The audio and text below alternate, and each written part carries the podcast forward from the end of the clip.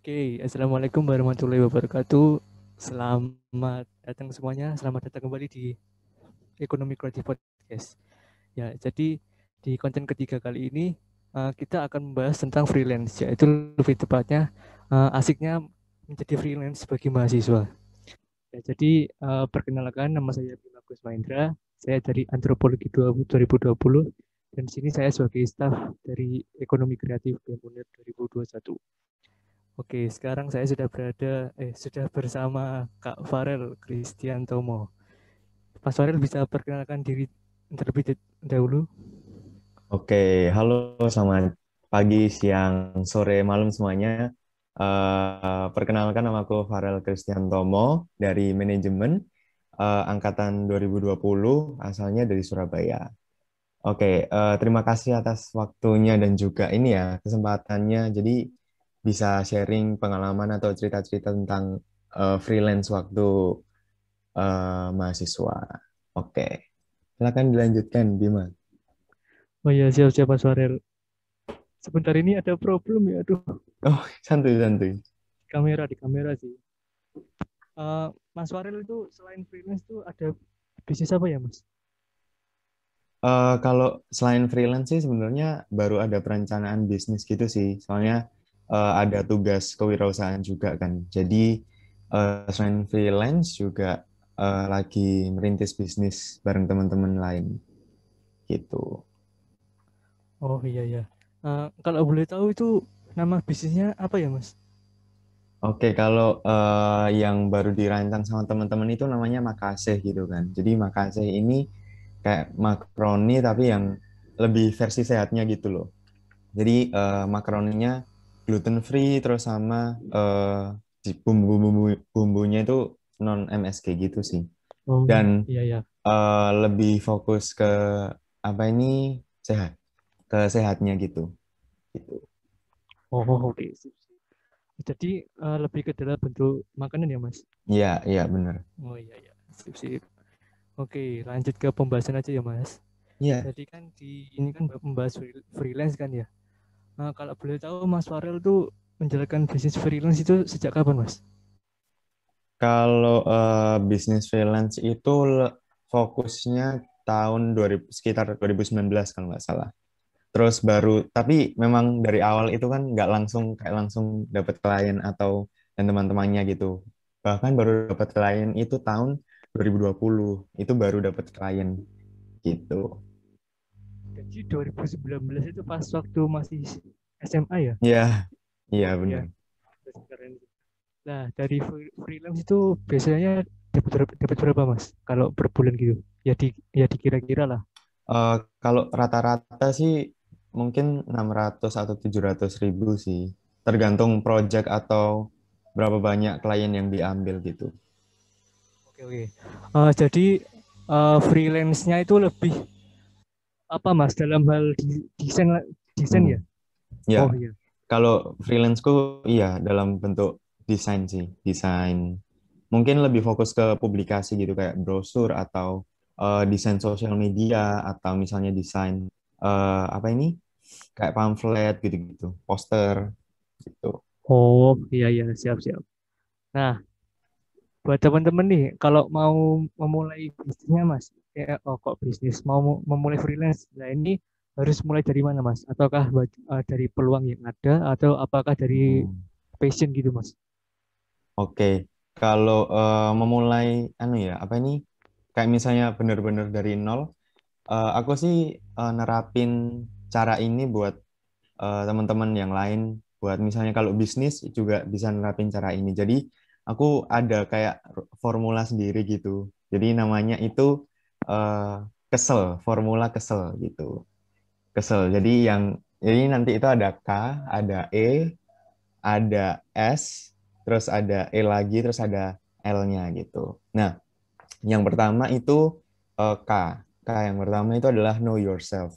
Jadi uh, ini step pertama ya. Jadi step pertama yang mungkin bakalan agak sedikit panjang penjelasannya, soalnya karena step pertama ini yang menentukan banget gitu. Jadi yang pertama ini kan know yourself gitu. Nah, kita harus tahu uh, misalnya dalam freelance, freelance untuk freelance ini kita uh, mau memberikan apa, modal kita itu apa gitu. Nah, modal yang di sini tuh maksudku bukan uang ya, tapi lebih ke kayak uh, talenta atau bakat apa yang kita punya yang bisa jadi modal yang kita tawarkan buat uh, freelance itu sendiri gitu. Karena talenta ini nanti jatuhnya akan jadi uh, core atau pusat dari service kita gitu. Itu sih. Dan uh, buat know yourself ini atau yang step pertama ini nggak gampang gitu. Jadi butuh proses ya kan uh, sedikit lama lah buat nyari apa sih talenta kita atau bakat kita gitu. Soalnya aku sendiri buat sampai nemukan di titik oke okay, jadi uh, bisa freelance design itu lama gitu kan. Bahkan uh, juga kalau sempat diriku sendiri ini kayak terombang ambing gitu kayak misalnya oh kayaknya aku masuk ini deh, kayaknya aku bakat ini deh, ini deh, ini deh gitu. Jadi uh, apa ya perlu waktu buat bisa menentukan gitu. Kalau misalnya bisa cerita gitu ya, waktu misalnya SD, SD dulu itu uh, uh, aku sempat mikir, wah kayaknya aku jadi aktor aja deh, aktor atau apa gitu kan. Kenapa? Soalnya waktu SD dulu itu uh, banyak banget kan tugas-tugas uh, kayak misalnya buat drama, terus habis itu buat uh, puisi yang di uh, apa ini divokalkan gitu kan. Nah, sampai akhirnya mesti waktu tugas-tugas kayak gitu itu nilaiku bagus-bagus gitu. Jadi aku mikirnya, oh kayaknya aku uh, bakalan masa depan ini aku jadi aktor atau apa gitu kan. Nah, habis itu begitu masuk SMP nih, pindah lagi, bukan, oh kayaknya aku bukan aktor deh. Kayaknya aku jadi videografer gitu, video editor gitu kan. Soalnya waktu SMP itu uh, aku ditarik buat jadi uh, kayak yang ngurus video kelas gitu loh, video kelas perpisahan gitu. Nah, tapi waktu SMA itu pindah lagi. Oh, kayaknya aku bukan video editor deh. Soalnya, wah banyak hal-hal yang uh, di luar kendaliku buat ngedit itu nggak bisa aku handle gitu. Sampai akhirnya di SMA ini baru nemu nih uh, yang cocok, yang misalnya klop sama diriku sendiri gitu. Nah, ini dalam desain yang uh, ya kayak tadi desain publikasi, desain poster kayak gitu-gitu sosial media kayak gitu. Itu sih. Dan uh, apa ini ada beberapa hal yang mungkin aku bisa bilang gimana sih caranya bi biar kita tahu kalau ini tuh passion kita banget, ini tuh yang uh, talenta kita banget gitu. Nah, uh, ada dua hal itu kayak misalnya saat kamu melakukan itu kamu enjoy dengan hal itu gitu. Jadi uh, waktu misalnya aku kan yang videographer itu uh, ya aku memang bisa melakukannya, tapi aku nggak enjoy gitu loh. Jadi uh, nggak bisa merasakan proses belajarnya gitu, gitu sih. Terus dari dari ah? jadi yang kayak itu kan uh, know yourself kan. Yes, nah, benar. Itu kan juga penting sekali itu, apalagi kalau bekerja sesuai dengan passion kan juga apa lebih nggak nggak tertekan gitu kan? Ya benar-benar benar. Sekali. Oke lanjutnya hmm. itu ada apa mas? Ke yang yang, yang e. e e kedua kan? Yang e kedua itu equip yourself. Equip. Jadi uh, apa ini? Menambahkan hal-hal lain untuk uh, nilai plus diri kita gitu. Nah uh, khususnya buat uh, freelance sendiri itu aku punya dua hal yang uh, aku terapkan atau aku pakai gitu itu yang pertama yang paling penting adalah skill komunikasi dan yang kedua itu bagaimana cara kita melayani klien gitu. Nah, yang skill komunikasi ini itu sangat penting gitu karena uh, dari buku yang pernah aku baca 30% uh, dari skill komunikasi itu yang mempengaruhi kalau klien itu akan balik lagi ke kita gitu. Jadi uh, gimana kita menghubunginya, terus habis itu bahasa-bahasa kita waktu misalnya uh, berkomunikasi dengan klien kayak gitu. Itu yang paling dilihat sama klien sih. Soalnya uh, pernah ada uh, temanku kan waktu itu juga uh, apa ini uh, freelance kan, tapi dia kurang bisa menjelaskan apa sih ide dia, kurang bisa apa sih yang ada di pikiran dia gitu. Akhirnya ya klien itu nggak mau balik lagi soalnya uh, dia berkomunikasinya kurang bisa gitu loh. Jadi antara klien sama uh, freelancernya ini kurang kurang klop gitu. Terus yang kedua itu kan uh, how to service. Jadi gimana kita melayaninya. Ini juga penting karena uh, kita kan buat jadi freelance itu kan seorang seorang diri kan. Jadi maksudnya kita sendiri gitu. Jadi uh, apa pun yang kita lakukan ke klien itu pasti akan dinilai dan dinilainya itu atas nama kita sendiri gitu kan uh, kita ini membangun freelance ini dengan diri kita sendiri gitu. Uh, jadi yang tips-tips mungkin buat how to service ini dari mungkin gimana cara kalian menghubungi, menghubungi klien, terus habis itu juga gimana misalnya uh, step step by step prosesnya, proses melayaninya, proses pengerjaan dari freelance itu sendiri gitu. Jadi yang kedua itu lebih ke how to service ya. Jadi ya, kalau gimana melengkapi, kalau, iya, melengkapi talenta kita gitu. Ya, kalau how to service kan juga bisa apa sih? Uh, memperluas jaringan koneksi ya, Mas. Ya, benar. Sesama klien atau gimana gitu kan. Iya, iya. Yang S, Mas.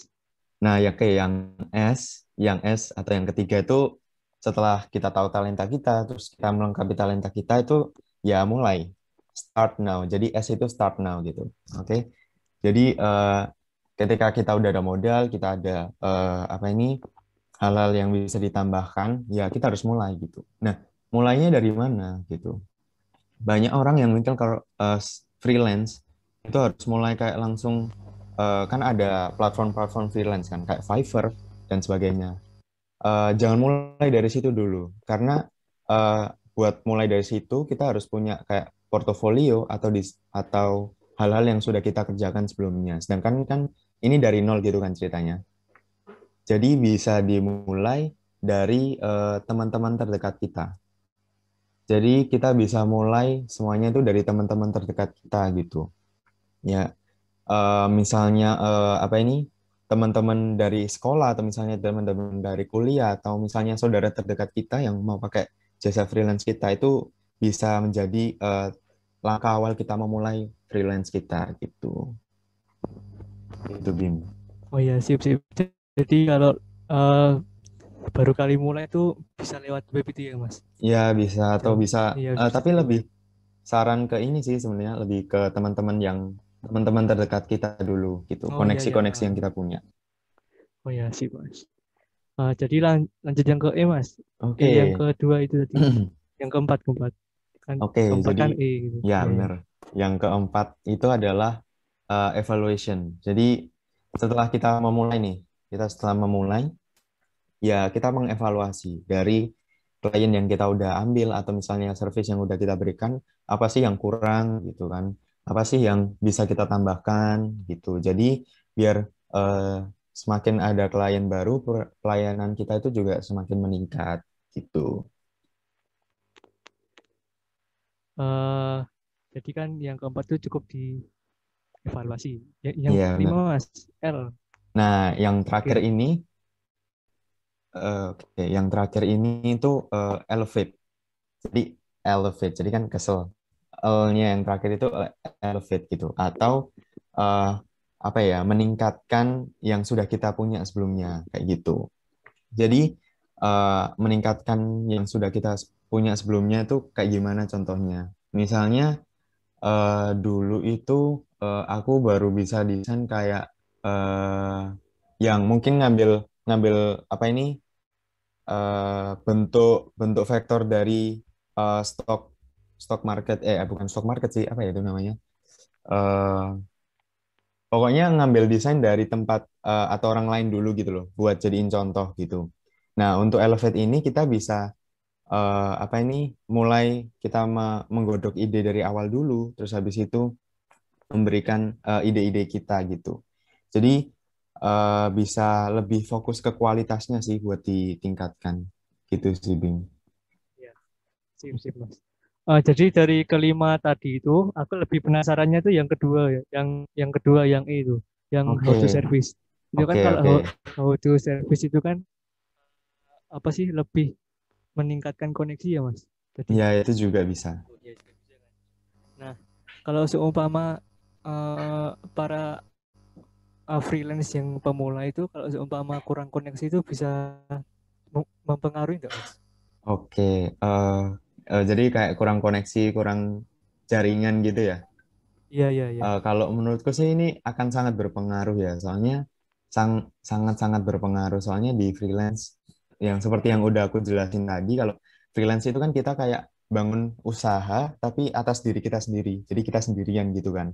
Nah kalau misalnya kita nggak ada uh, jaringan atau nggak ada koneksi gitu kan, ya siapa yang bisa kita layani gitu, dan siapa yang uh, kita pemasukannya dari mana gitu kalau misalnya kita nggak ada uh, teman atau jaringan gitu yang bisa diubah atau dikonversi jadi klien gitu.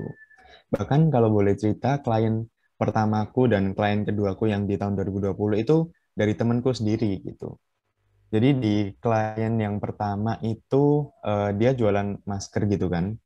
Dia uh, buat or order dia logo sama uh, desain packaging gitu. Terus dan klien kedua aku juga temanku sendiri itu dia mau desain sosial media gitu dan sampai sekarang itu klien-klien yang aku dapat itu dari koneksi yang aku dapat gitu kayak klien terbaruku misalnya yang baru-baru ini itu uh, buat grand opening gitu ya grand opening cafe itu aku dapat dapat uh, klien atau project ini tuh dari tempat aku magang gitu jadi uh, eh, CEO ku di tempat aku magang itu ngenalin aku dengan uh, jaringannya ini atau koneksinya ini gitu sih.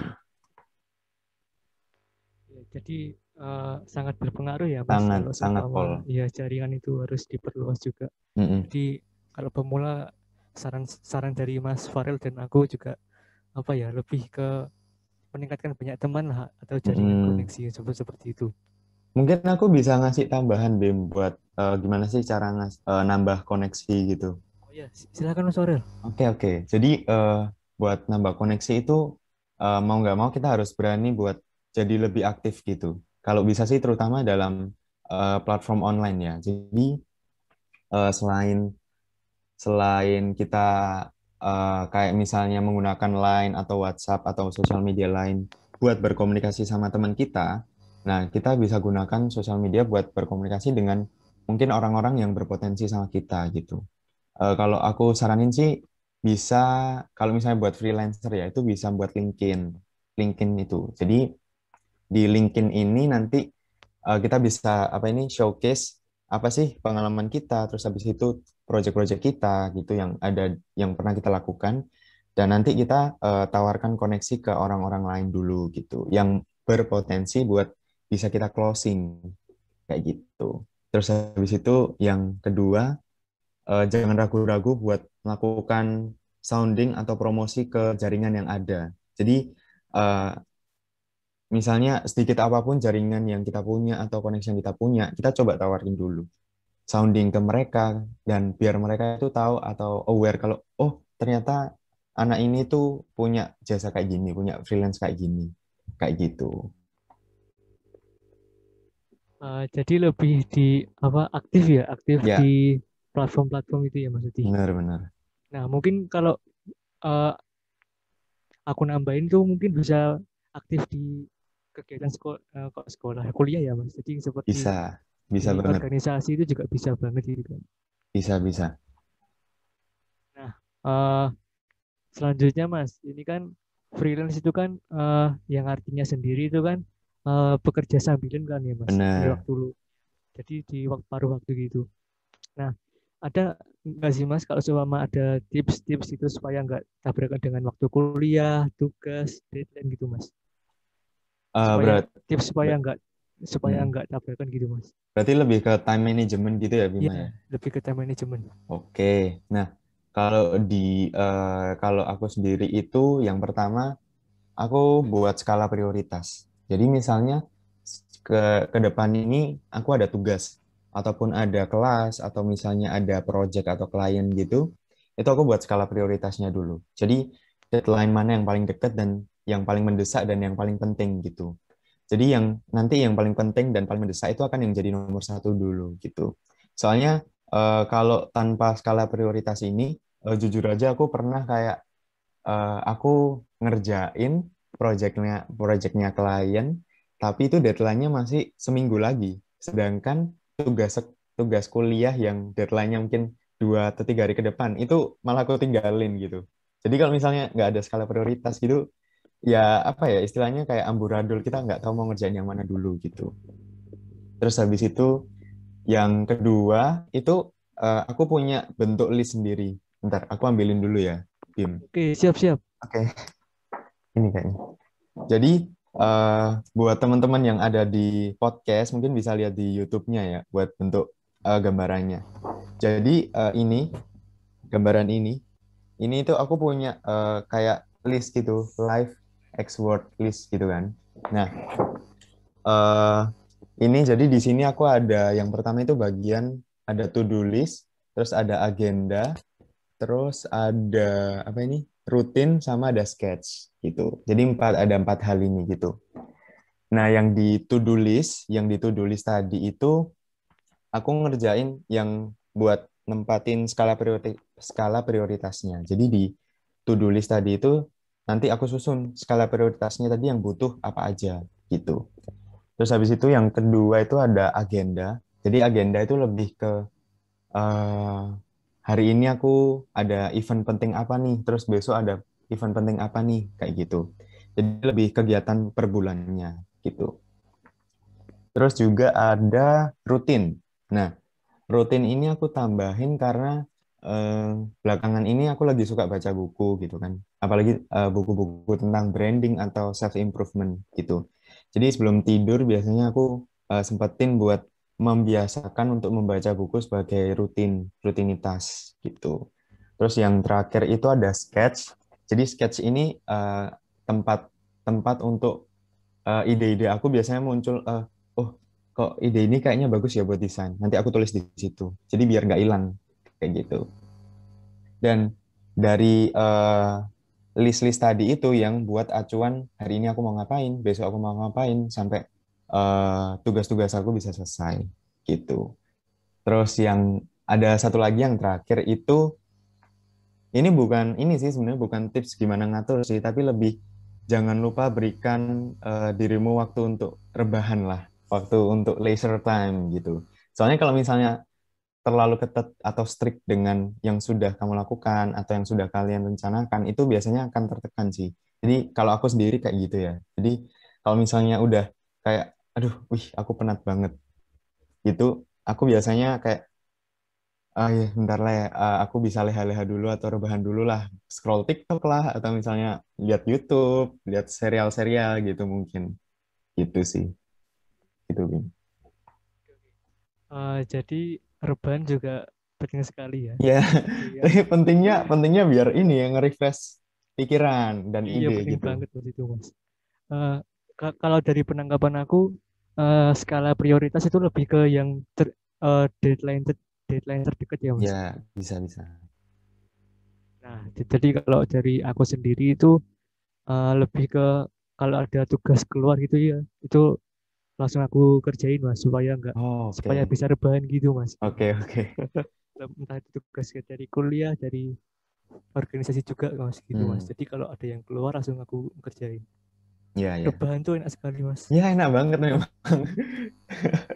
Kayak bebas banget itu nggak sih? Nggak kepikiran apa-apa. Ya kepikiran sih, cuman istirahat aja gitu. Iya, iya. Ah, nah, kalau mahasiswa menjadi freelance itu, Mas, itu ada uh, resiko, resiko seperti resiko-resiko hmm. nggak mas yang dihadapi itu uh, pasti pasti ada nggak? Oke okay, oke okay. ada sih pasti uh, karena setiap hal pasti kan uh, ada resikonya sendiri-sendiri gitu kan. Kalau aku itu yang aku rasain resiko yang pertama itu kita harus uh, on uh, atau tanda dalam tanda kutip 24 per 7 lah. Jadi kayak bisa on on di segala waktu gitu. Uh, jadi karena uh, peluang-peluang buat freelance ini kan uh, kita, harus kita yang nyari gitu kan, harus kita yang nyari sendiri gitu. Makanya uh, harus bisa kayak aktif kayak sekitar dua ya istilahnya dua empat per tujuh lah kayak gitu. Dan uh, buat pengalaman sendiri itu pernah ada itu Instagram gitu kan, Instagram tentang talent casting gitu. Nah itu uh, tiba-tiba itu dia ngirim story gitu kan ngirim story kalau dia urgent butuh butuh uh, untuk desain company profile gitu jadi uh, aku tanpa pikir panjang oh ini kesempatan sih, kesempatan aku sebagai freelancer bisa nambah portofolio desain gitu. Jadi aku coba apply ke Gmailnya dan ya akhirnya bisa uh, dalam satu project gitu ngerjain bareng gitu. Jadi memang harus apa ya bisa on 24 per 7 sih biar dapat peluang-peluangnya gitu. Terus yang kedua itu ada uh, apa ya kayak resiko resiko kayak pengen ngambil semua project gitu loh Bim. Jadi oh, uh, iya iya iya. Ya, jadi kayak resiko, uh, aku bisa ambil aku aku bisa ambil ini, aku bisa ambil ini gitu. Tapi itu yang uh, resiko yang aku rasain sih. Soalnya kayak kan apalagi ini online. Jadi aku merasa kayak oh, bisa deh ini tak kerjain. Oh, bisa deh kayak ini tak tak kerjain, tak coba ambil gitu. Karena aku juga pengalaman pernah ngambil project ini, project ini ada tiga project sekaligus gitu dan ada magang waktu itu, magang desain juga. Jadi hektik banget akhirnya. Jadi kayak aduh aku salah deh kayak ngambil semua hal ini gitu kan. Jadi uh, memang harus lebih selektif sih buat ngambil klien atau project gitu. Gitu. Oke mas, aku paham paham. Hmm. Nah, jadi uh, kan kalau semuanya diambil gitu mas, jadi itu lebih ke uh, takut nggak bisa ngerjakan atau kalau uh, ngerjakan itu uh, kena denda mas kalau seumpama hmm. uh, melewati deadline itu mas. Kalau uh, kalau aku sih lebih ke arah kualitasnya ya. Kalau misalnya ada pikiran kita udah hektik atau udah kayak tertekan gitu, biasanya ngedit mood ngeditnya itu jadi berkurang gitu atau mood ngerjain sesuatu jadi berkurang gitu kan. Karena kepikirannya itu kayak aduh masih ada tugas ini terus aku harus nambahin tugas ini gitu. Belum yang lain juga. Jadi uh, akhirnya nggak bisa secara maksimal buat melayani uh, klien itu lagi gitu. Jadi lebih ke uh, uh, apa sih namanya? Uh, lebih lebih tepatnya mengambil project sesuai dengan kemampuan diri ya mas iya benar seperti itu Oke, jadi uh, uh, mungkin step by stepnya itu yang yang tadi ya mas, yang kesel itu. Ya benar kesel. Ya, jadi know yourself itu uh, ketahui diri kamu. Mm. Waduh nih kamera. Gak apa santai santai. Iya iya iya. Nah, jadi uh, ketahui diri kamu. Terus yang E itu lebih ke equip yourself. Itu ada yeah. uh, seperti seperti how to service ya mas, yeah, seperti yeah, komunikasi dan juga melayani Terus yang ketiga itu ada start. Jadi start itu uh, kalau sudah uh, komunikasinya sudah bagus dan melayani klien sudah bagus itu bisa uh, start, yeah. mulai. Terus kalau sudah memulai jangan lupa untuk evaluasi. Terus nah. kemudian kalau yang L itu elevate ya mas? Iya benar. Iya, jadi yang L itu lebih ke elevate, jadi lebih ke meningkatkan, ya meningkatkan skill-skill itu mas. Nah kalau uh, contoh-contohnya freelance tuh apa aja sih mas uh, desain ya desain hmm. terus dropship dropship reseller terus kalau apa lagi mas kalau uh, kalau freelance itu lebih ke ini sih Bim jasa sih kalau menurutku ya maksudnya uh, tak bakat apa yang atau misalnya talenta talenta oh, yang kita oh, iya, punya iya, gitu iya. jadi lebih ke dropship kalau reseller bukan kalau kalau dropship itu bukannya bisnis gitu ya? Yang kan barang jasa, gitu nggak sih? Jasa kan. Oh, oke okay, oke. Okay. Iya, kalau kalau aku tahunya tuh lebih ke jasa gitu, Mas. Hmm, oke. Okay. Tuh. Oke, okay, kalau misalnya buat contoh freelance gitu sih uh, menurutku sekarang freelance luas banget sih, Bima. Jadi iya. uh, apa ini? Apa ya yang uh, contoh aja deh, contoh kalau misalnya kayak penulis gitu ya. Penulis kalau misalnya zaman dulu-dulu mikirnya kalau orang yang suka nulis atau hobi nulis, yang ide-ide punya penulisan banyak itu pasti paling mikirnya jadi oh penulis buku atau editor buku gitu kan. Tapi enggak, kalau misalnya dengan freelance ini atau dengan uh, ya freelance ini ada banyak peluang lain yang bisa terbuka. Sekarang bahkan ada job atau kerjaan yang namanya copy, copy copywriter, terus ada content writer, yang sekarang malah dibutuhin banget buat startup-startup yang ada gitu. Terus bahkan uh, mungkin nggak talenta aja ya, kayak misalnya kelebihan diri sendiri itu bisa jadi freelance juga gitu. Uh, soalnya ada uh, ada nih uh, startup startup tentang mental health mental health di Surabaya itu yang buka kesempatan karir buat orang-orang yang memiliki suara yang lembut atau misalnya suara yang enak buat jadi narator gitu. Kan nggak pernah kepikiran gitu kan. Maksudnya ada freelance atau kerjaan buat fokus buat jadi narator gitu. Gara-gara dia punya suara yang bagus atau suara yang enak, dia bisa freelance jadi narator gitu. Jadi memang kesempatannya terbuka banget sih gara-gara Oh iya freelance. ya. Eh, jadi lebih ke jasa ya mas? Ya bener. Jasa. Kalau barista itu eh, bisa nggak sih mas kalau dikatakan freelance itu? Kan membuat kopinya itu kan? Ya iya kalau eh, barista sih bisa aja ya dibuat eh, freelance tergantung nanti kontrak kerjanya dia sama eh, yang bersangkutan itu kayak gimana gitu. Iya sih, banyak Hmm. banget sih luas. Mm-mm. Kalau apa, apalagi di zaman eh, di tahun 2021 ini kan, Ya bener. ya luas banget. Bisa sebagai content creator di YouTube gitu kan, bekerja bener. luas banget. Nah oke mas, Eh, jadi tadi kan step by stepnya kan juga sudah ya. Mm. Jadi kalau eh, kesimpulannya itu awal-awal tuh lebih ke ketahui diri kamu sendiri gitu. Yes, Jadi kalau ya aduh mati lah. Nggak apa-apa santuy santuy. Pakai komputer aku soalnya mas. Iya, iya, it's okay. Oke. Jadi step by stepnya tuh yang seperti tadi kesel itu rumusnya. Kesel, bener. Rumus kesel. Iya rumus kesel. Nah oke mas, Eh, terima kasih segitu aja mas. Ini Oke. banyak banget ilmunya ini juga penting sekali kalau mau- memulai freelance itu. Oke, Oke. terima kasih Mas Farel. Semoga sehat selalu.